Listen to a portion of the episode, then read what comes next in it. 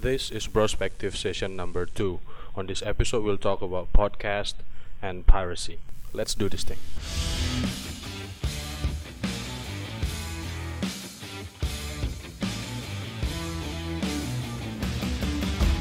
Thank you and welcome back everyone. I'm your host Ricky Brahmana dan kali ini gue mau bahas tentang podcast dan digital piracy. Podcast, gue sebenarnya bukan pendatang baru di dunia perpodcastan. Dan gue juga bukan pro to be honest. Karena gue udah beberapa kali coba untuk bikin podcast either dari SoundCloud atau pakai media yang sekarang gue pakai juga pakai Anchor atau di YouTube. Gue pernah beberapa kali upload di di di media-media itu. Dan you know seperti layaknya seorang Ricky Brahmana yang setelah upload dia akan mm, menyesali perbuatannya kemudian scrap delete lagi atau delete account deactivate account I don't know.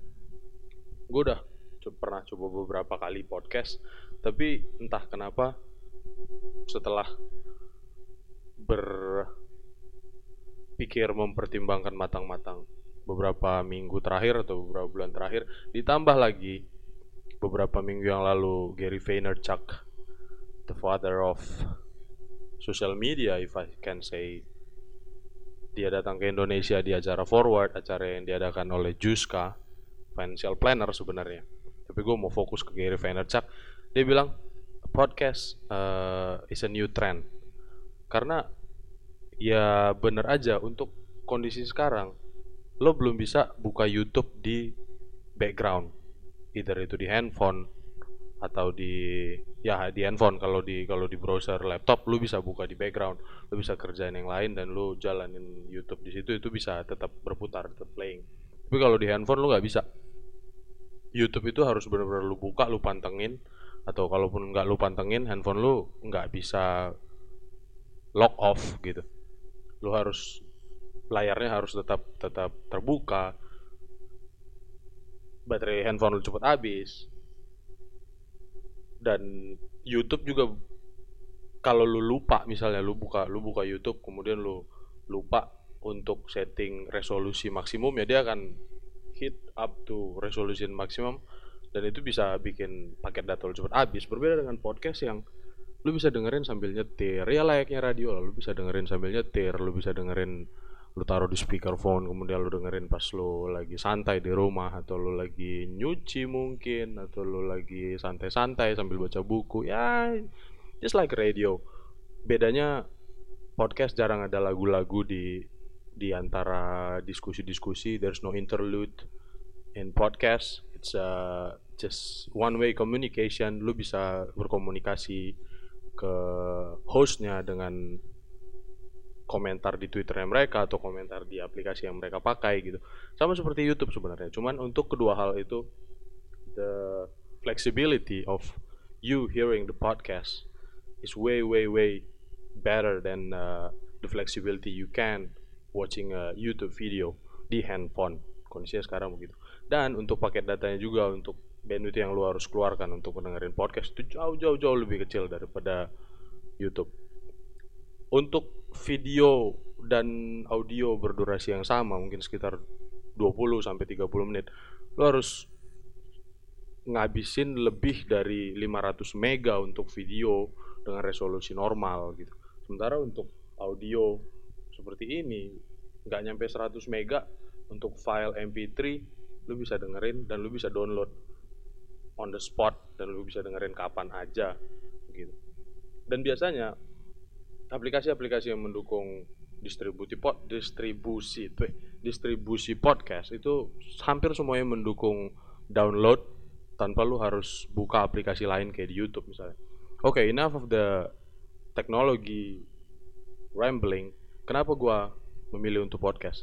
Satu, some people may be surprised regarding this fact, tapi gua itu bukan orang yang pede ada di spotlight gitu. Gue mungkin nyaman kalau orang kenal gue siapa. Gue mungkin nyaman. Gue mungkin senang kalau orang kenal gue siapa. Oh itu si Ricky yang begini-begini. Oh itu si Ricky yang begitu-begitu. Gue senang. Tapi once you put me in the spotlight gitu gue langsung hmm you don't know what happened between the hip down man itu kayak ya yeah, some tweets here and there gue juga kadang merasakan keringat ngalir di punggung gue kalau gue harus ada di depan untuk ngomong gitu. Oke okay, gue punya beberapa tips and trick untuk coping with that untuk mengatasi masalah-masalah itu. Dan mungkin nanti suatu saat akan gue share ke lu. Jadi lu bisa keringet dingin tapi orang nggak tahu kalau lu keringet dingin. Lu bisa grogi tapi orang nggak tahu kalau lu grogi. Oke okay. terlepas dari itu semua gue capek. Gue capek harus ngerasa grogi di depan kamera dan gue itu satu lagi orangnya gue bilang perfeksionis juga enggak tapi gue uh, apa ya I concern too much, way too much about uh, sesuatu yang nggak signifikan gitu. Kayak misalnya kalau gue di depan kamera, gue punya acara di YouTube. Lu bisa search YouTube gue, namanya sama Ricky Brahmana juga. Dan dulu beberapa bulan, beberapa mungkin satu tahun yang lalu, gue pernah upload beberapa video di YouTube under the tag name Markombur. Markombur itu bahasa Batak yang artinya sebenarnya ngobrol ngalor ngidul ya. Ngomongin apa aja sama kayak podcast gue sekarang. Tapi itu depan video dan konsepnya itu adalah uh, I directly spoke in front of camera. Nggak ada orang lain nggak ada nggak ada angle lain gue hanya di depan kamera. Dan lu tahu untuk dapetin video 5 menit gue itu shoot hampir 2 jam. Kenapa? Gue harus ngatur cahaya gue harus ngatur belakang gue harus cut lagi gue harus ulang lagi gue harus perbaiki cara ngomong gue gue harus perbaiki cara apa namanya cara duduk gua kepala gua terlalu kiri kepala gua terlalu ke kanan. Kadang ada suara-suara dari luar suara-suara bising yang sebenarnya kalau gua lihat di post production itu nggak ada tapi entah kenapa gua merasa itu well people will, will judge me. Gua merasa kayak gitu. Walaupun ya yeah, you know view gua di YouTube itu kayaknya nggak nyampe 2000 deh. Dan subscriber gue di YouTube juga paling cuma 20-an gue nggak tahu sekarang karena gue agak malu untuk ngeceknya itu tapi ya itulah oke. Okay. jadi gue lebih nyaman untuk podcast karena orang nggak bisa ngelihat gue kayak sekarang gue lagi ada di kantor di ruang meeting kantor. Gue pakai fasilitas kantor ruang meeting lampu kantor AC-nya kantor untuk ngerekam ini. Meanwhile teman-teman gue di luar pada ada yang uh, lagi santai nunggu weekend, nunggu jam pulang atau ngapain, duduk di pantry minum kopi, gue ngerekamin di sini dan lu nggak tahu gimana kondisi gue. Di belakang gue ada apa, di ruangan ini bagaimana bentuknya, nggak akan ada orang viewers atau eh bukan viewers, listeners yang akan komen itu kenapa posisi A di B, kenapa posisi kursinya tidak bagus, kenapa di belakang ada ada ada gambar-gambar yang tidak tidak pada tempatnya. Nobody will comment like that because nobody will see me. Itu makanya itulah alasan pertama gue podcast. Dan yang kedua gue ngerasa juga gue belakangan ini mulai shifting dari YouTube. Karena yang pertama di YouTube itu banyak orang-orang yang gimana ya gue nggak mau gue nggak mau judgmental ke mereka mereka gue tahu itu sedikit banyak apa pun yang mereka lakukan itu karya. Men gue tuh nggak suka sama Atta Halilintar karena menurut gue nggak ada value apa pun dari yang dia buat. Tapi gue respect sama dia karena dia bikin video tiap hari itu men. Oke okay lah di belakang dia ada supir ada kameramen ada editor ada videographer atau ada apalah namanya. Men bikin video ngatur jadwal setiap hari daily vlog demi mencapai target dia yang 10 juta subscriber itu nggak gampang. Siapa pun lu di luar sana yang nggak suka sama Atta Halilintar tapi berani-beranian komentar sama dia apa sih begitu aja gampang lah. Coba lu bikin nggak usah lama-lama try two weeks or maximum one month. Kita lihat di hari keberapa lu bakal bakal exhausted dan merasa semua yang lu kerjain itu sia-sia. Tapi dia berhasil dia survive. Terlepas dari konten dia itu nggak ada value apa pun konten dia itu lebih banyak bragging lebih banyak kegiatan-kegiatan yang ya I don't know you judge it by yourself lah. Tapi untuk bikin konten seperti itu itu exhausting man. Capek banget gitu loh. Jadi karena gue nggak sanggup dengan kesibukan gue di kantor yang sekarang ditambah lagi commuting gue dari kantor dari rumah ke kantor kantor ke rumah juga nggak nggak semenarik yang lu pikirkan dan nggak semenarik apa yang bisa ditawarkan orang lain ya gue merasa kenapa gue nggak podcast aja. Orang nggak nggak bisa ngelihat apa yang kayak gue lagi ada di mana. Orang nggak bisa komen apa yang mereka lihat karena mereka juga nggak bisa ngeliat apa-apa gitu. Dan gue bisa nyaman ngomong apa aja di sini. Dengan perlengkapan seadanya bahan rekaman seadanya gue nggak perlu sibuk untuk ngatur lightning gue nggak perlu sibuk ngatur uh, kamera gue angle gue gue nggak perlu sibuk ngatur fokus poinnya di mana zoomnya seberapa gue nyaman nyaman aja gitu. Gue nggak perlu takut kelihatan berkeringat. Gue bisa semudah gue ngambil tas cam gue atau gue ngambil handphone gue gue cari mic atau tanpa mic pun gue bisa ngerekam. Apa pun yang ada dalam pikiran gue gue bisa keluarkan saat itu juga.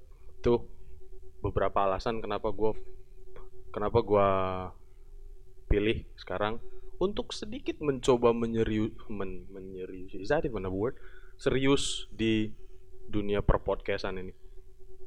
Yang kedua uh, sedikit tentang passion. Gue nggak mau panjang-panjang menjelaskan passion karena gue punya mungkin gue punya session sendiri gue punya episode sendiri menjelaskan apa itu passion. Menurut pandangan gue yeah, you know this is perspective this is my perspective uh, this is my perspective. Perspective what the fuck? This is my perspective oke okay? passion gue itu speaking. Oke okay, gue punya masalah public speaking kayak gue bilang tadi. Tapi itu sesuatu yang bisa diobati men. Itu sesuatu yang bisa di di di dicari solusinya. Tapi passion gue itu public speaking. I can stop talking. Kalau gue merasa apa yang gue sampaikan itu ada nilainya untuk orang. Serius. Seriously.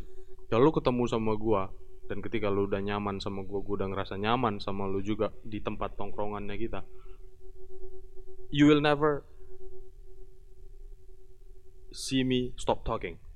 Kalau gue punya sesuatu yang harus gue bilang gitu. Tapi kalau misalnya gue lagi nggak mau mulai ngomong sesuatu dan gue cuman enjoying enjoying the the the the, the vibe gitu ya gue akan diam-diam aja. Gue akan mendengarkan lu ngomong gue akan menilai lu dari cara lu ngomong menilai lu dari apa yang lu omongkan gitu tapi setelah itu once I see I need to do something I need to speak up about something gue gak akan berhenti ngomong. Apa pun yang lu bilang gue gak akan berhenti ngomong. Karena itu juga gue merasa banyak yang harus gue gua gua bilang banyak yang harus gue uh, kasih insight dari sudut pandang gue dan gue ngelihat YouTube mungkin untuk saat ini belum jadi media yang gue rasa baik untuk gue menyampaikan itu dengan satu dua alasan yang maybe you can say that's uh, cliche atau lu bilang itu excuse whatever. What the hell? That's your opinion. I don't care. You shoot it at me. And gua terima atau mungkin gua akan mengelak dengan santainya aja. Tapi yang jelas gua merasa gua harus speak up tentang sesuatu yang menurut gua benar. Gua harus speak up tentang sesuatu yang menurut gua penting untuk dibagikan. Dan medianya adalah podcast. Oke. okay kembali ke topik. Tadi gue bilang kita akan gue akan ngomongin tentang podcast dan piracy. Kali ini yang mau gue bahas sebenarnya digital piracy. Gue gak, gak peduli lah pembajakan bajak laut di apalah di mana kapten apa kapten Phillips. Please look at me look at me. I'm the captain. No I don't care about that. Itu urusan ibu susi. Itu urusan orang-orang yang yang punya kewenangan di laut. Kali ini masalah pembajakan gue mau bagi bukan bagi gue mau ambil spesifik uh, dua hal yang mau gue bahas tentang pembajakan ini yang pertama adalah pembajakan karya pembajakan karya specifically pembajakan karya seni digital oke okay? lu mungkin ngegambar sesuatu di kertas gitu atau lu mungkin menuliskan puisi lu di kertas atau lo mungkin uh, apalah gitu di media kertas. Orang nggak akan bisa ngebajak itu men. Tapi ketika lu udah masukin itu ke internet what has been on internet will be there forever oke? Okay? lu mungkin bisa hapus lu mungkin bisa deactivate account atau apa tapi itu pasti ada breadcrumbs ada jejak ada footprint. Bahkan footprint yang nggak lu tahu itu ada itu pasti ada di sana. Once it got shared by somebody else other than you it will be there forever. Karena lu nggak akan bisa trace keberadaan dia itu di mana. Keberadaan barang yang udah di share itu gimana. Anyway sebelum gua lanjut gua mau menyampaikan turut berduka cita untuk teman-teman muslim yang ada di seluruh dunia khususnya yang ada di Australia. Karena apa namanya tadi atau kemarin oh tadi tanggal 15 Maret 2019 ada penembakan di New Zealand Mosque. Ada dua masjid di New Zealand yang jadi sasaran terorisme. Gue nggak tahu itu siapa gue nggak tahu targetnya siapa gue nggak tahu alasannya kenapa tapi gue turut berduka cita. I fucking hate terrorism terrorism. Oke? Okay? gue benci banget terorisme gue oke okay sama tentara tembak-tembakan bunuh-bunuhan kalau mereka punya cost yang jelas kalau mereka punya alasan yang jelas kenapa mereka melakukan itu. Tapi kalau terorisme lu menyerang orang yang nggak punya salah apa-apa sama lu gua nggak mereka lu lu nyerang orang yang uh, yang yang yang nggak mempersiapkan diri itu pengecut sih men. Kalau lu punya kontol mendingan lu potong aja lah benar gue benci banget sama terorisme. Perang oke. okay setidak berimbang apa pun perang yang namanya perang mereka sudah persiapkan. Mereka sudah persiapkan siapa siapa kawan siapa lawan. Mereka tahu kalau bajunya nggak sama kalau penampilannya nggak sama senjatanya nggak sama bahasanya nggak sama hajar itu perang lu persiapan. Setidak berimbang apa pun perangnya itu itu tetap perang dan that's war.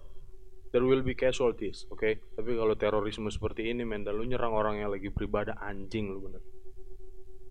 Anyway gue turut berduka cita my deepest condolences. Doa gue bersama siapa pun korbannya keluarganya. Semoga semuanya bisa cepat diselesaikan. Semoga keluarganya juga dapat penghiburan dari Tuhan. Dan siapa pun penyerangnya keluar dan dan orang-orang yang berurusan dengan dia yang punya niat yang sama dengan dia I wish you rot in hell motherfucker. Oke okay? anyway. Digital piracy balik lagi ke karya musik. Oh sebelum itu please untuk teman-teman yang ngelihat videonya yang udah dapat share-sharean videonya di WhatsApp atau di Facebook tolong jangan disebarkan lagi kalau lu ngelihat itu ada di Facebook orang atau di Twitter orang atau di Instagram orang please report report it as inappropriate or apa namanya pokoknya pokoknya lu report lah. Itu harus di take down segera dari media-media sosial itu oleh orang-orang yang berkepentingan bukan dari lu karena user nggak bisa apa-apa lu hanya bisa report oleh orang-orang yang punya kepentingan. Officials itu harus di take down karena itu bakal membuat ke, ke, ke kekacauan membuat pikiran orang macam-macam membuat orang jadi makin takut dan gak ada gunanya men. Oke kita balik ke topik. God damn it. Gua udah lain lain terlalu jauh. Oke digital piracy kalau punya karya musik, kalau punya gambar, kalau punya yang lain di internet, is it okay for other people to use your art in any any any of their their apa uh, karya mereka yang lain? Kalau gue merasa perlu dengan syarat, boleh dengan syarat boleh dengan syarat itu gimana? Mereka boleh pakai karya-karya lu, mereka boleh pakai musik lu, mereka boleh pakai uh, video-video uh, mungkin yang lu pakai yang udah lu taruh di Facebook atau di YouTube atau di mana. Musik yang lu taruh di SoundCloud, musik yang lu taruh di YouTube, musik yang lu taruh di media-media lain yang punya fitur download, mereka boleh pakai itu dengan syarat mereka tidak dapat keuntungan apa-apa dari situ. Keuntungannya maksud gua keuntungan uang. Karena ketika lu berkarya bullshit lu nggak berharap uang, oke? Okay? Karya itu nilai paling besar mungkin adalah pengakuan dari orang-orang terdekat lu, pengakuan dari mentor-mentor lu, tapi bullshit kalau lu punya karya tapi lu nggak pengen lu dapat uang dari situ. Oke okay lah, lu belum berharap karya itu akan jadi uh, jadi sumber penghasilan utama. Tapi kalau lu bilang lu nggak berharap dapat duit dari karya yang lu buat bullshit, don't bullshit me. Oke, okay? I'm a bullshitter, so don't bullshit me. Jadi karya apa pun yang lu taruh di internet, gambar, video, lagu. Gue merasa itu boleh dipakai oleh orang lain selama mereka bisa download dan selama mereka nggak pakai itu untuk mendapatkan uang. Jadi mereka pakai itu mendapatkan uang sementara lu nggak dapat royalti. Gue nggak suka itu. Kalau memang lu bisa lihat taruh di uh, uh, uh, Spotify ada musik yang lu taruh yang lu uh, compose musik yang lu produce lu taruh di SoundCloud dan lu uh, apa namanya lu matiin fitur download oke okay. Mereka nggak boleh pakai itu gitu. Tapi kalau mereka toh akhirnya dapat cara lain untuk mendownload itu ya sudahlah. Selama mereka nggak pakai itu untuk mendapatkan duit ya udah terserah lah gitu. Atau uh, specifically sebentar selama mereka nggak nggak pakai karya lo itu untuk dapat uang dengan yang cara dengan cara yang mirip-mirip dengan cara sharing itu di media yang lain dan mengaku itu sebagai karya mereka oke okay. kalau kayak mereka pakai musik itu ngambil musik itu gitu. Terus lo mereka pakai di acara pensinya. Eh sudahlah gitu. Udahlah ya sudahlah mereka juga ya mungkin acara pensi mereka juga nggak dapat apa-apa men. Paling cuma dapat teh botol lah teh kotak atau nasi bungkus gitu. Back again this is my perspective oke? Okay? kalau lu nggak suka kalau lu merasa ada punya pendapat lain silahkan komen. Kalau kalau di Spotify gue nggak tahu atau lu bisa contact me directly direct message me ping me or or whatever di di Twitter username gue sama at Ricky Brahmana. Kita bisa diskusi di situ. Gue bisa tahu pendapat lo dan lo bisa uh, tahu lebih jauh lagi pendapat gue tentang digital piracy khususnya musik ini. Dan yang kedua tentang software. Oke. Okay. uh, eh, jujur gue bilang gue masih punya beberapa software bajakan. Windows enggak. Windows gue pakai software asli karena gue dapat dari kantor untuk laptop kantor Office juga gue dapat asli karena gue dapat dari kantor untuk aplikasi-aplikasi lain gue pakai open source untuk WinRare gue gak bayar karena WinRare WinRare itu orang-orang di belakang itu kayaknya kayaknya mereka WinRare itu kayaknya kayaknya mereka non profit organization men. Mereka itu non profit organization yang kayak please donate to us that's it dah gitu. Mereka nggak berharap lu beli sebenarnya tapi kalau lu tiba-tiba baik terus lu bayar berapa 24 dolar ya mungkin mereka telah revenue pertama mereka sejak mereka berdiri. Anyway software sejauh ini yang gue pakai bajakan adalah Adobe Premiere uh, eh, CC ya Creative Cloud ya nah, itu software yang gue pakai bajakan sampai saat ini adalah Adobe. Software softwarenya Adobe. Contohnya software Adobe Premiere sama Adobe Photoshop. Kalau Lightroom gue nggak pakai. Dulu pernah pakai tapi trial. Kalau After Effects gue nggak pakai karena gue bingung juga. Makanya gue pakai trial doang. Ya Premiere lah. Premiere sama uh, Photoshop. Photoshop karena beberapa kali gue pakai lumayan sering gue pakai dan gue butuh itu tapi gue nggak mendapatkan duit dari situ dan Premiere gue pakai oke okay, this one is my fault. Gue pakai Premiere untuk uh, edit file uh, edit edit video-video yang gue taruh di YouTube.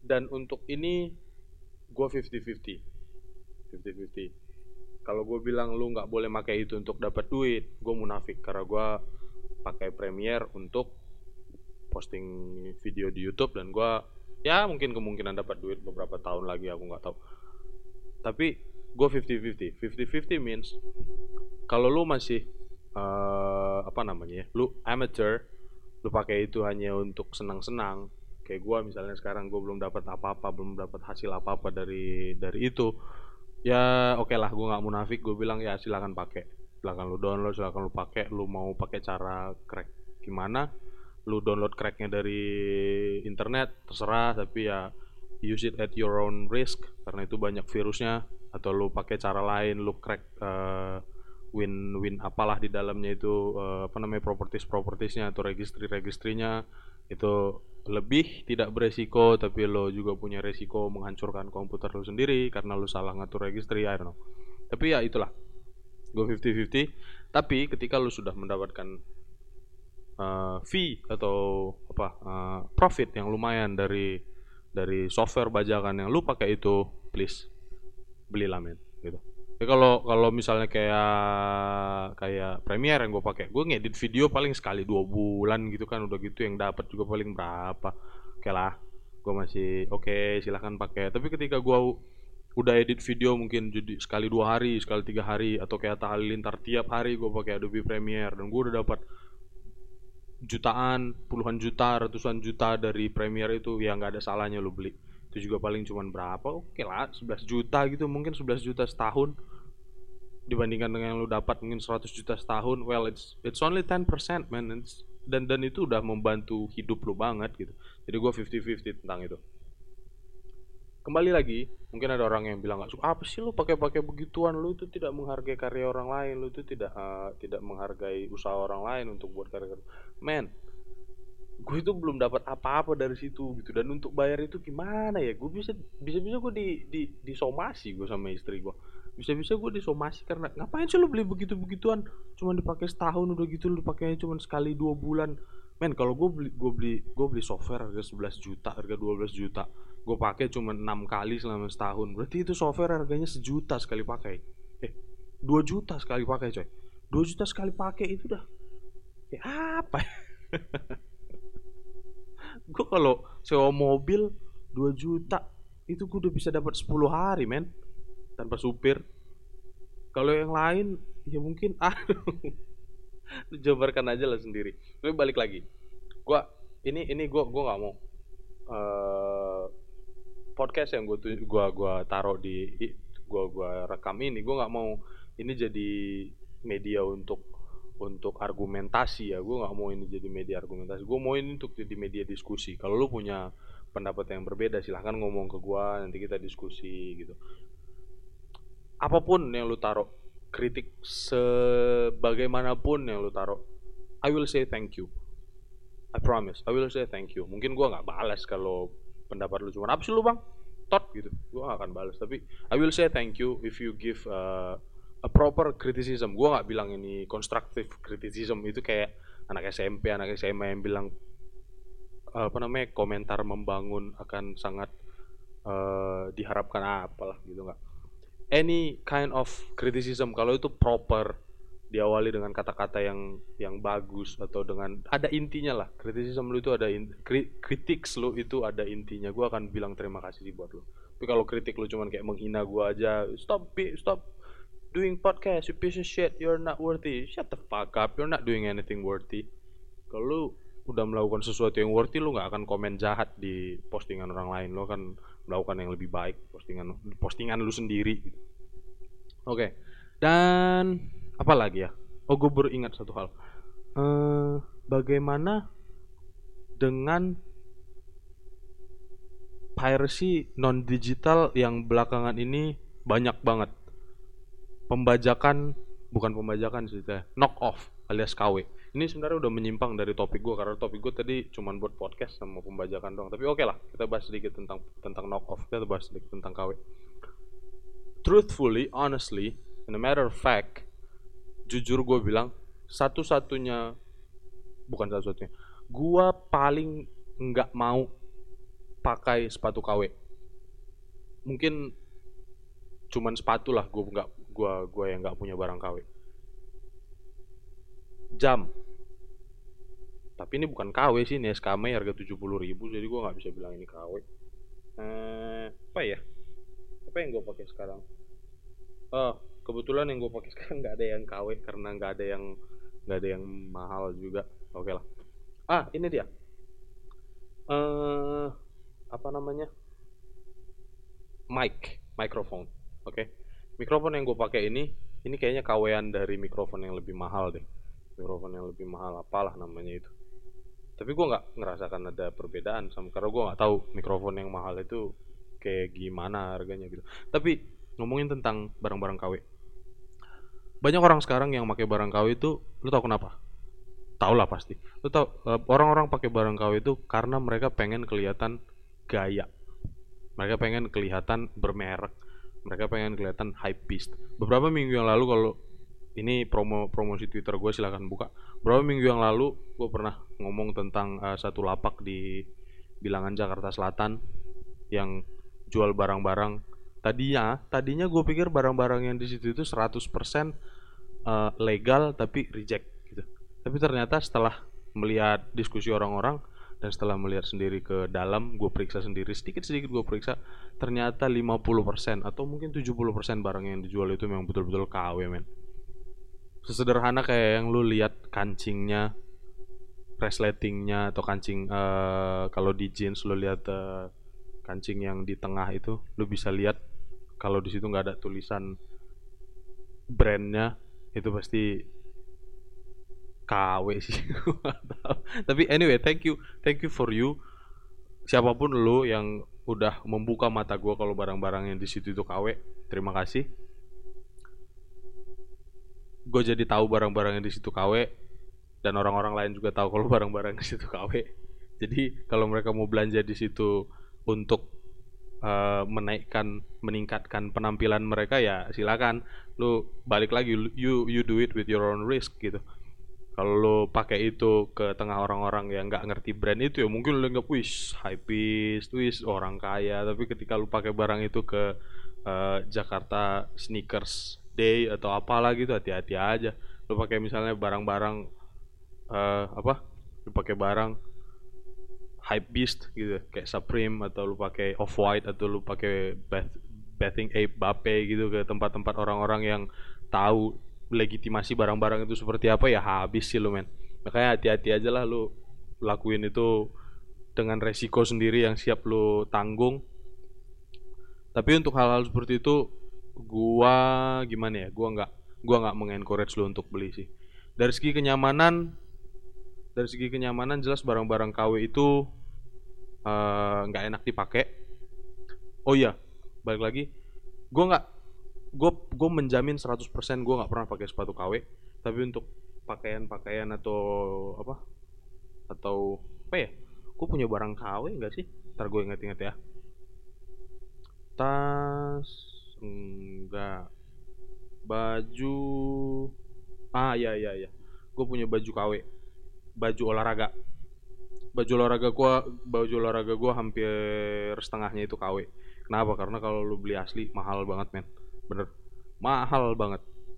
Kayak uh, apa namanya? 2XU kalau lu tahu 2XU compressed uh, war kom, compressed uh, apa celana kompres celana kompresinya 2XU kalau lu beli di tokonya harganya dua setengah juta men. Anjing untuk aduh ya oke okay lah itu barang bagus banget tapi dua setengah juta untuk orang gue yang kayak yang yang yang males olahraga kayak gue sorry gue gue belum layak untuk pakai barang semahal itu. Jadi gue beli kaweannya yang dari Thailand apa Vietnam itu. Dan harganya lu tau berapa? Cuma tiga ratus ribu men tiga ratus ribu kayak yang gue bilang tadi. Gue pakai ke mana pun orang nggak akan nggak akan ngeh. Apalagi kompres lu pakai itu di bawah celana lari celana kolor gitu. Nggak ada nggak bakal ada orang yang ngeliat liatin barang lu KW atau enggak aduh celana kompres itu barat kayak ngeliat uh, stockingnya orang KW apa enggak parah banget Anyway, bagai baju-baju olahraga gue lumayan banyak yang KW. Kayak uh, baju baju sepeda gue ada dua atau tiga piece yang KW. Terus celana lari gue ada satu dari tiga yang KW. Uh, eh, kompres itu tadi. Kalau kaos kaki gue pakai bukan barang KW tapi gue pakai barang yang merek Cina. Gue beli dari AliExpress. Jadi lu nggak bisa bilang itu KW karena dia punya merek sendiri. Uh, tapi kayaknya iya, tapi kayaknya barang-barang gue itu yang KW cuma sedikit tapi yang tiruan banyak gitu KW gue menganggap KW itu adalah lu meniru barang terus menempelkan merek yang tidak seharusnya di situ gitu. Sementara kalau barang tiruan lu meniru barang terus lu pakai merek lu sendiri ya udah oke okay lah gitu. Kayak ibarat sepatu Brodo aslinya Brodo tapi yang lain ada yang Bro 2, Bro 3 apa merek apa merek sepatu kulit apalah apalah gitu ya. Itu namanya bukan barang KW itu merek dia sendiri. Kualitas ya kualitasnya dia gitu. Lu nggak bisa bilang itu barang KW tapi balik lagi kalau lu pakai barang-barang KW kayak gitu kenyamanannya pasti berkurang jauh. Jadi daripada lu pakai Nike KW men, lebih baik lu pakai 910 KW. Sama-sama N depannya. Yang satu punya Sandiaga Uno, yang satu punya USA. Oke. Okay? Sandiaga Uno uh, eh, SU ya dia. Ya udah itu. Ya daripada lu pakai apa ya? Daripada lu pakai Adidas KW mendingan lu pakai Legas. Legas itu punya league, league itu punya lokal, kualitasnya mungkin sama. Tapi ya itu jelas-jelas udah barang asli gitu loh. Kalau daripada daripada lu pakai apa ya? Dari pakai lu pak daripada lu pakai tas Supreme abal-abal yang harganya juga anggaplah lu beli tas Supreme abal-abal 200 ribu gitu sementara lu punya pilihan untuk beli tas dari Caliber, dari Eiger, dari Ray, dari apa gitu yang harganya 350 ribu men lu nambah setengahnya lu bisa bar pakai barang yang asli kualitas yang udah bagus gitu ya sekarang itu Eger udah nyampe ke mana-mana men. Mereka itu tim tim pendakiannya mereka udah sampai ke mana-mana dan kualitas barangnya itu udah wah. Udah top tier lah sekarang untuk untuk tas gitu di Indonesia. Dan untuk yang lain apalagi ya?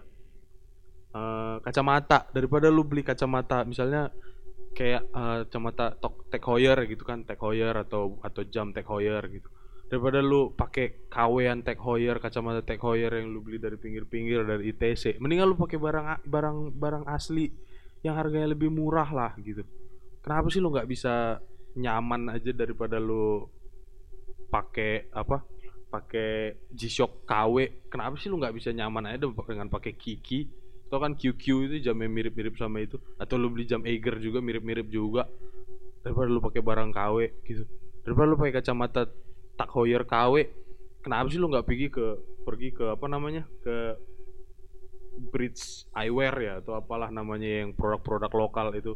Harga frame di mereka itu murah men. 600 ribu 1 juta lu dapat frame bagus. Daripada lu beli frame Tech Heuer KW harga 600 ribu dengan harga aslinya mungkin 3 juta gitu. Lu nggak tahu kualitasnya gimana. Please gue nggak bilang tolong hargai karya orang lain yaitu terserah lu. Tapi tolong hargai badan lu sendiri lah tolong lu pakai pakailah sesuatu yang bikin lu nyaman gitu. Jangan jangan jangan lu pakai sesuatu yang bikin lu juga nggak nyaman makanya hati lu juga nggak nyaman. Lu takut pakai barang-barang itu kalau aduh gimana ya kalau orang ngelihat gue pakai barang KW ya? Itu apa namanya beban mentalnya berat. Biarlah anak-anak pinggir jalan itu yang pakai. Lu kalau misalnya lu punya modal lu udah bisa dengerin podcast ini lu pasti udah punya modal lah lu bukan dan lu dengerin podcast ini lu pasti bukan kayak orang-orang kebanyakan yang menghabiskan waktunya di YouTube. Karena bocah-bocah itu mereka gak ngerti podcast. Percaya sama gua. Orang yang melihat podcast atau eh, orang melihat podcast. Orang yang melihat, mendengar podcast di tempat seharusnya dia mendengar podcast itu levelnya udah sedikit lebih tinggi daripada orang yang aneh YouTubean. Karena YouTube itu dia masih ya semuanya di situ. Tumplak-blak di situ. Sementara podcast ini segmented mungkin orang-orang yang anak-anak kecil itu dulu tanya podcast mereka juga nggak tahu apa itu podcast. Jadi please kalau lu dengar podcast ini ya sayangilah apa namanya uh, hargailah badan lu sendiri hargai usaha lu, lu udah capek kerja keras lu pakai barang-barang yang uh, apa namanya mending asli lokal daripada daripada luar negeri tapi KW gitulah. Kecuali untuk barang-barang yang lu juga jarang-jarang pakai. Kayak yang gue bilang tadi baju olahraga yang gue pakai paling sekali setahun dong terus kalau enam bulan itu oke lah gitu ya. Tetap aja ini mungkin salah tapi mungkin lain kali kita akan ngobrol lagi. Anyway uh, topik gua udah sampai mana ya? Kayaknya segitu dulu uh, prospektif episode kali ini. Kayak yang gue bilang tadi kalau lu punya apa punya pendapat yang berbeda dengan gue persepsi yang beda dengan gue perspektif yang beda dengan gue gue siap terima itu semua dengan uh, dengan benar-benar siap menerimanya di Twitter silahkan lu komentar di Twitter atau lu komentar di aplikasi yang lu pakai kalau aplikasi lu uh, apa menyediakan layanan komen lalu pakai fitur komen itu atau enggak di Twitter gue siap mendengar uh, membaca mendengarkan bisa berdiskusi kapan-kapan Okay, this is a perspective of a brother. This is a perspective. Sampai ketemu di kesempatan berikutnya. Ricky out.